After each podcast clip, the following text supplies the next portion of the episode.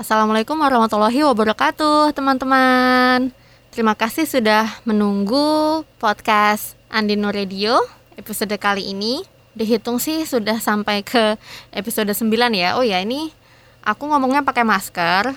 Mudah-mudahan masih tetap kedengeran bagus ya suaranya.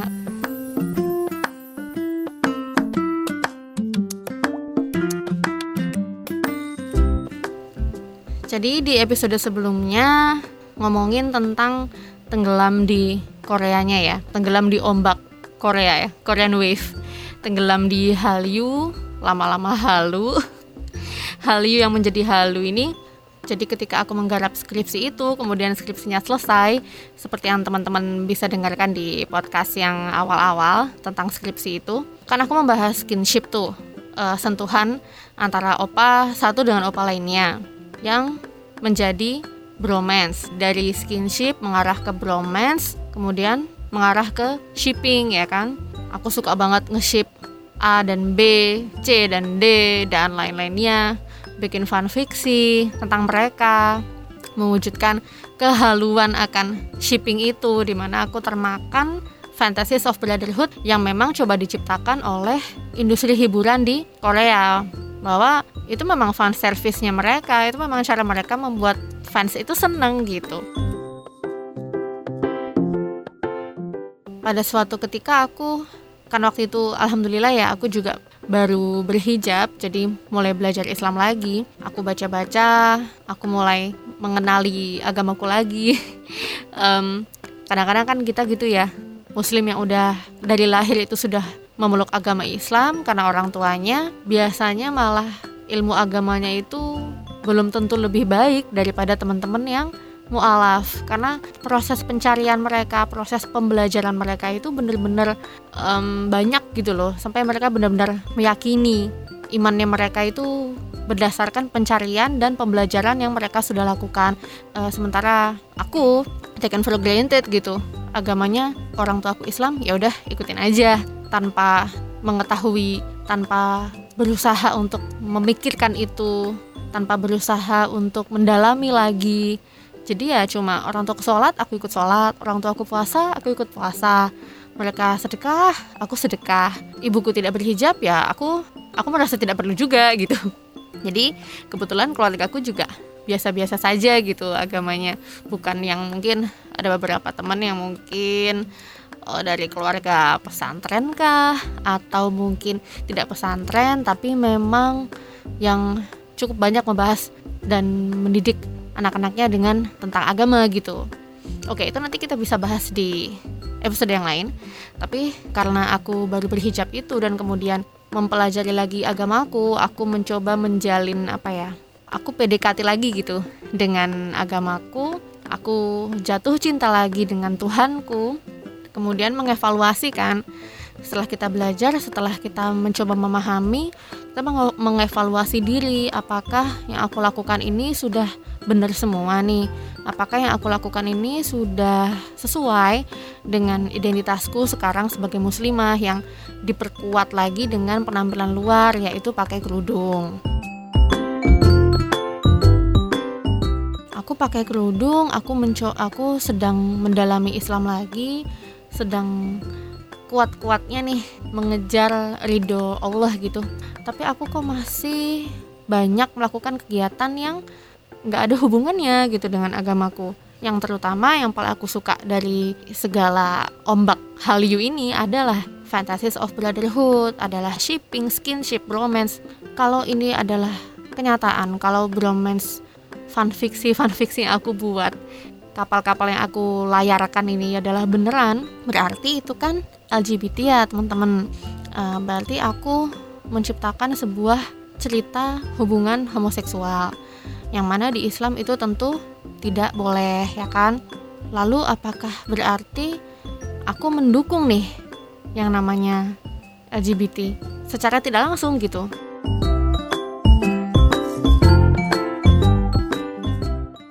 aku berdialog ya dengan diriku sendiri.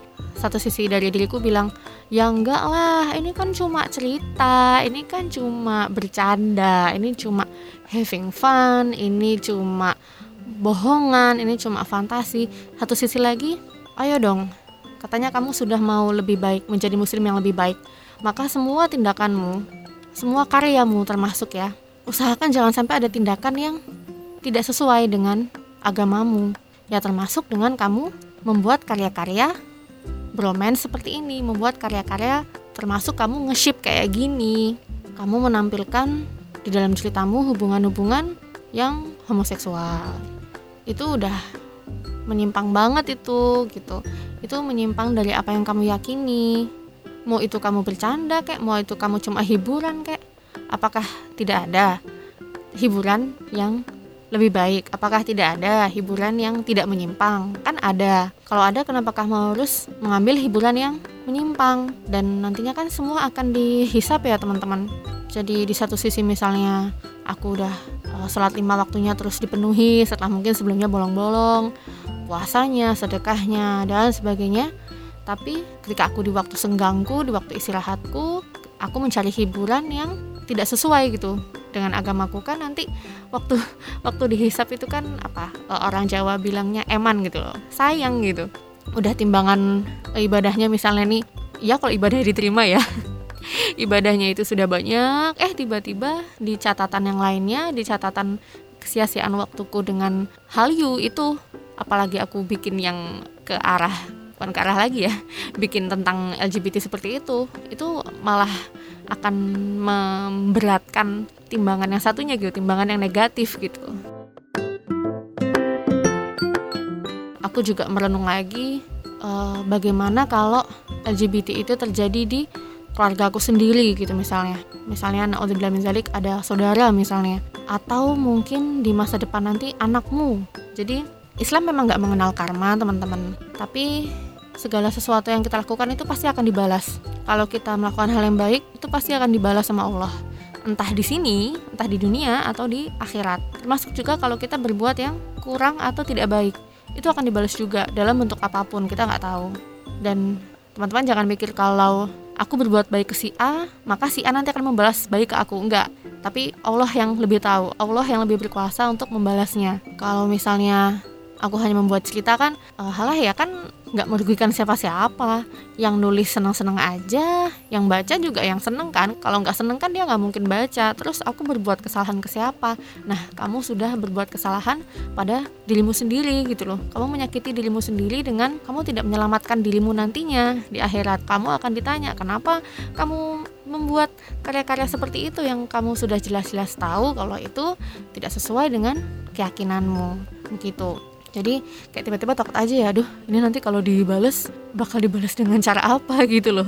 Kalau dibales di akhirat kan ngeri banget ya teman-teman. Kalau perbuatan yang tidak baik kalau perbuatan yang baik dibalas di akhirat mah alhamdulillah ya senang kita. Tapi kalau yang tidak baik itu kalau dibalas di akhirat pasti akan sangat mengerikan. Kalau dibalas di dunia aku nggak bisa ngebayangin gitu loh. Jangan-jangan nanti aku suka bikin cerita gini-gini nanti malah mungkin anakku sendiri naudzubillah. Atau ada mungkin saudaraku kira-kira kamu sanggup gak kalau misalnya itu terjadi? Apakah kamu akan se sehevan membuat ceritamu itu gitu? Jadi akhirnya aku putuskan untuk oke okay, aku harus rasa ketakutan membayangkan itu sangat besar. Rasa ketakutan membayangkan kalau kelak akan ada aku akan mengalaminya sendiri gitu. Itu sangat mengerikan gitu. Aku nggak sanggup membayangkannya. Jadi aku mulai berhenti. Aku mulai hapus semuanya semua fanficku. Dengan sekian komen dan likesnya aku mulai hapus folder-folder shippingku. Jadi aku punya satu flash disk flash disk khusus itu isinya foto-foto kapal-kapal aku gitu. Aku mulai hapusin. Tapi waktu itu baru sebatas yang shipping-shipping aja ya.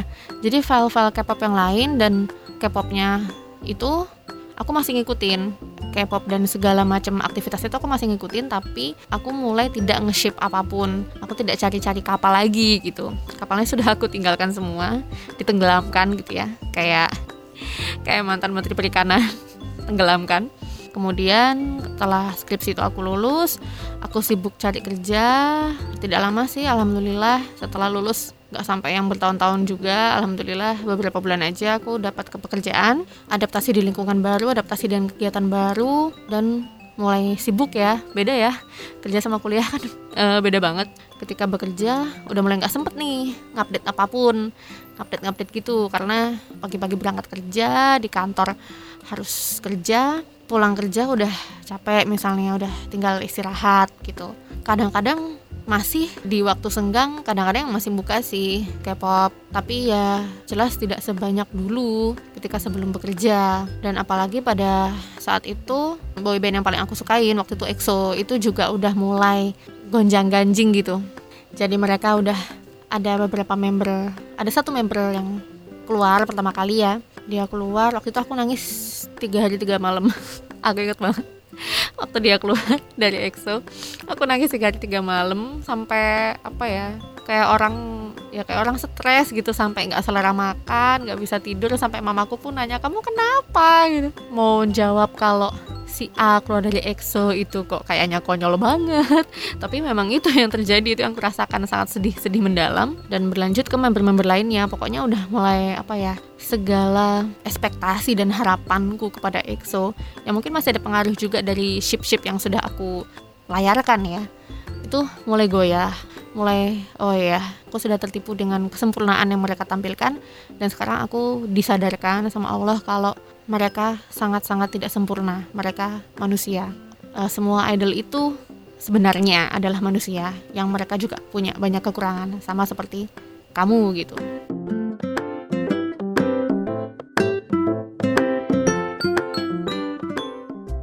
Begitu sih.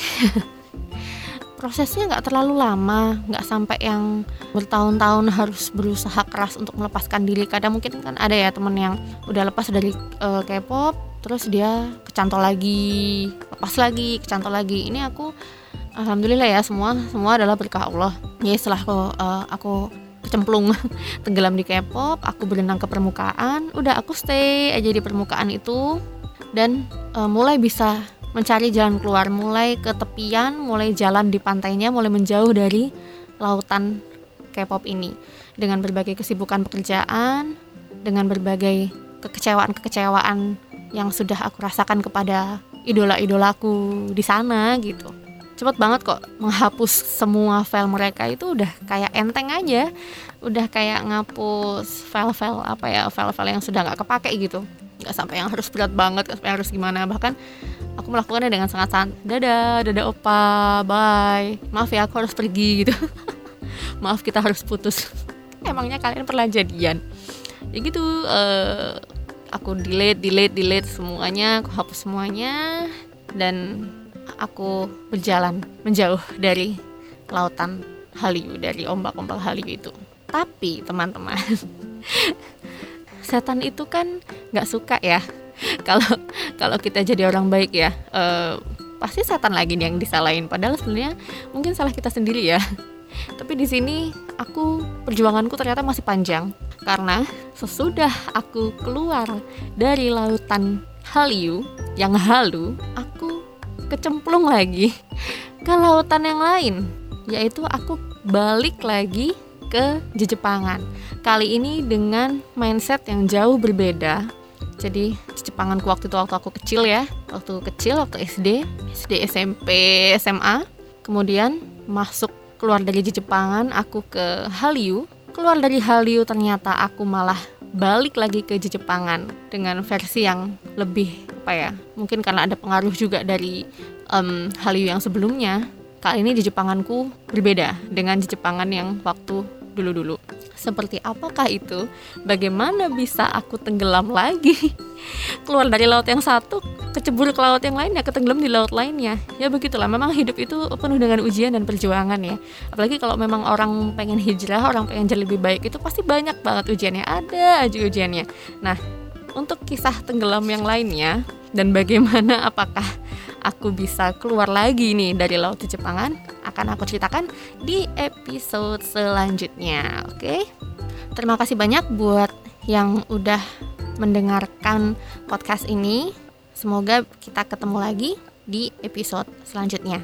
Mohon maaf ya kalau uh, ada kesalahan kata-kata atau mungkin ada kata-kata yang nggak enak. Wassalamualaikum warahmatullahi wabarakatuh.